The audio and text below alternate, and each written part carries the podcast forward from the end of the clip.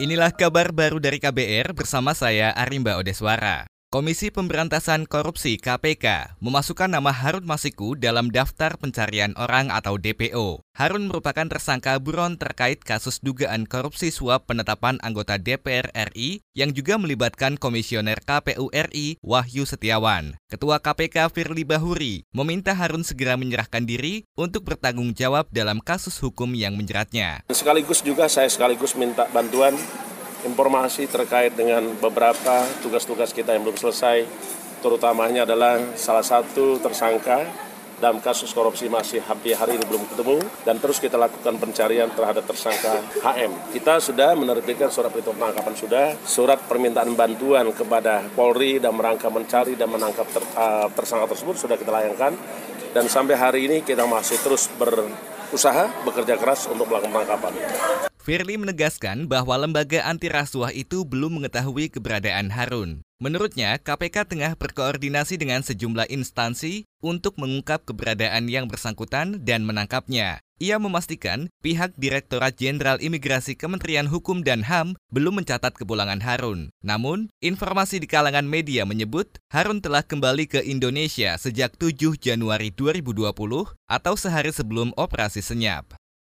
Sementara itu, saudara, Indonesian Center for Environmental Law atau ICEL menilai pasal-pasal soal lingkungan di Omnibus Law malah menghilangkan kepastian perlindungan pada lingkungan. Menurut Direktur ICEL, Rainaldo Sembiring, Omnibus Law justru memangkas standar-standar untuk perlindungan dan tanggung jawab perusahaan terhadap lingkungan, misalnya dengan pemangkasan AMDAL. Ketika misalnya Omnibus ini diberlakukan, saya melihatnya itu malah menjadi semacam tidak ada jaminan sama sekali, bukan nggak ada jaminan sama sekali, bahkan dia memang benar-benar tidak menaruh lingkungan itu ke dalam sebagai hal penting dalam poros investasi yang mau dibangun.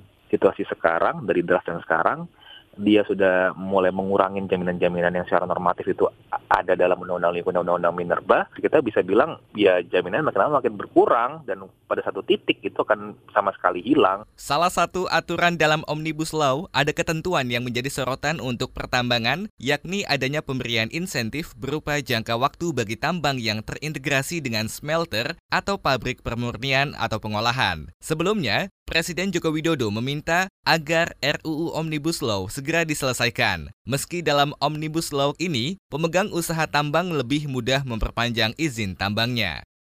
Kita beralih ke Banyuwangi, saudara. Harga komoditi cabai di sejumlah pasar tradisional Banyuwangi, Jawa Timur naik cukup signifikan. Hingga hari ini, harga cabai rawit di pasar tradisional Srono Banyuwangi menembus harga Rp80.000 per kilogramnya dari sebelumnya Rp37.000 per kilogramnya. Sedangkan untuk harga cabai besar mencapai Rp50.000 per kilogramnya dari sebelumnya Rp35.000 per kilogramnya. Menurut seorang pedagang pasar di pasar tradisional Srono, Wahyuni, naiknya harga cabai ini karena pasokan yang berkurang. Sing bagus, sing bagus ikut 80 sekisaran segitu.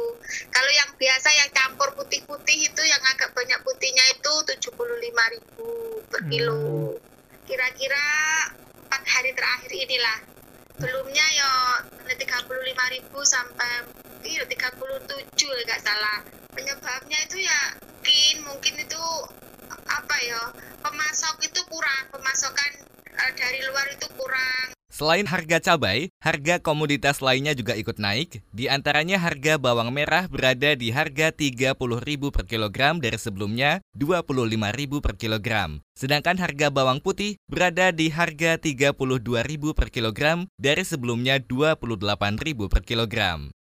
Kita beralih ke informasi mancanegara. Lima nelayan Indonesia kembali diculik kelompok Abu Sayyaf di Lahadatu, Sabah, Malaysia. Insiden ini berlangsung empat bulan setelah penyanderaan terakhir pada September lalu. Kelima nelayan itu diculik tiga hari setelah Angkatan Bersenjata Filipina membebaskan WNI terakhir yang ditawan Abu Sayyaf. Demi mencegah kasus penculikan yang berulang, Indonesia menghimbau seluruh WNI yang bekerja di kapal-kapal ikan Malaysia untuk tidak melaut di perairan sekitar Sabah sementara waktu. Selain itu, Kemlu turut meminta WNI untuk tidak berangkat bekerja ke Malaysia sebagai anak buah kapal yang beroperasi di perairan Sabah. Dalam pernyataannya, Kemlu menuturkan konfirmasi penculikan kelima WNI oleh Abu Sayyaf didapat pemerintah setelah mendeteksi kapal kelompok bersenjata itu kembali masuk ke perairan Sabah pada 17 Januari lalu. Demikian kabar baru dari KBR, saya Arimba Odeswara.